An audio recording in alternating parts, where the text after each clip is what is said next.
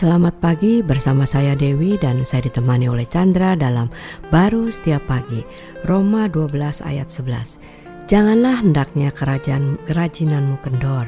Biarlah rohmu menyala-nyala dan layanilah Tuhan.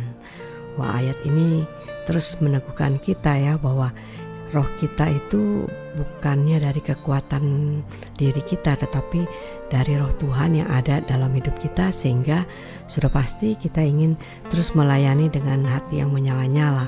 Karena kalau kekuatan kita pasti terbatas ya. Kadang kita eh, apa namanya menyala-nyala. Kadang kita itu eh, ingin punya kekuatan mau terus melayani tapi kadang ya males juga gitu kan tapi hari ini kita diingatkan lagi bahwa roh Tuhan itulah yang membuat kita itu bisa menyala-nyala terus gitu ya Iya sebenarnya ya kalau kita lihat dari pandangan eh, umum sekilasnya sekarang firman ini satu nasihat, satu dorongan.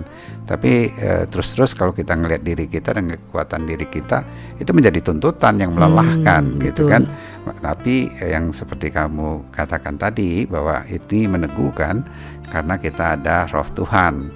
Ya masih ingat nggak waktu eh, murid-murid Tuhan Yesus disuruh menunggu eh, di satu ruangan Roh Kudus itu turun Yes. bagaikan eh, lidah-lidah api. Itu kan Hmm. menunjukkan semangat yang menyala-nyala dari roh itu bukan dari Betul. manusianya, dari Mm-mm. kekuatannya, tapi dari kekuatan Tuhan yang diberikan sehingga mereka bisa melayani eh, spontan aja, ringan aja. Iya. Kerajinannya udah bukan kendor lagi ya, sudah maksimal daripada yang bisa dia usahakan di dalam hidupnya. Betul, tapi kadang kita melihat menyala-nyala melayani Tuhan itu dengan apa yang dilakukan.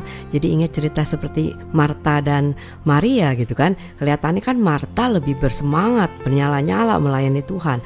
Tetapi Maria hanya duduk-duduk saja gitu. Jadi yang mana gitu? Iya, kalau kita lihat sih manusia selalu mengukur seseorang itu sejauh apa yang dia lakukan. Hmm, Tapi eh, itu sangat lelah ya. Tapi kalau dia tahu di Tuhan itu bukan sejauh dia lakukan, tapi sejauh bagaimana Kristus sudah lakukan dan memberi kehidupan baru dari dari Roh itu, sehingga dia eh, ringan aja dan itu bisa memenuhi satu hubungan yang dia bisa nikmati seperti Maria itu, hmm. sehingga ada eh, satu ekspresi kehidupan roh yang bisa dialirkan di dalam hidupnya. Bahkan Yesus katakan ya Maria sudah memilih satu ini aja yang diperlukan, yang lain yang nggak perlu lagi, ya kan? Yang lain itu sudah mengikuti. Apakah itu you bilang kerajinan, apakah itu melayani? Tapi Marta berpikirnya dari sejauh dia dengan apa yang harus Hmm. dia lakukan, sehingga ya, ya kelihatannya dia ya dihargai mungkin ya secara logika manusia, tapi sebenarnya mengganggu akhirnya.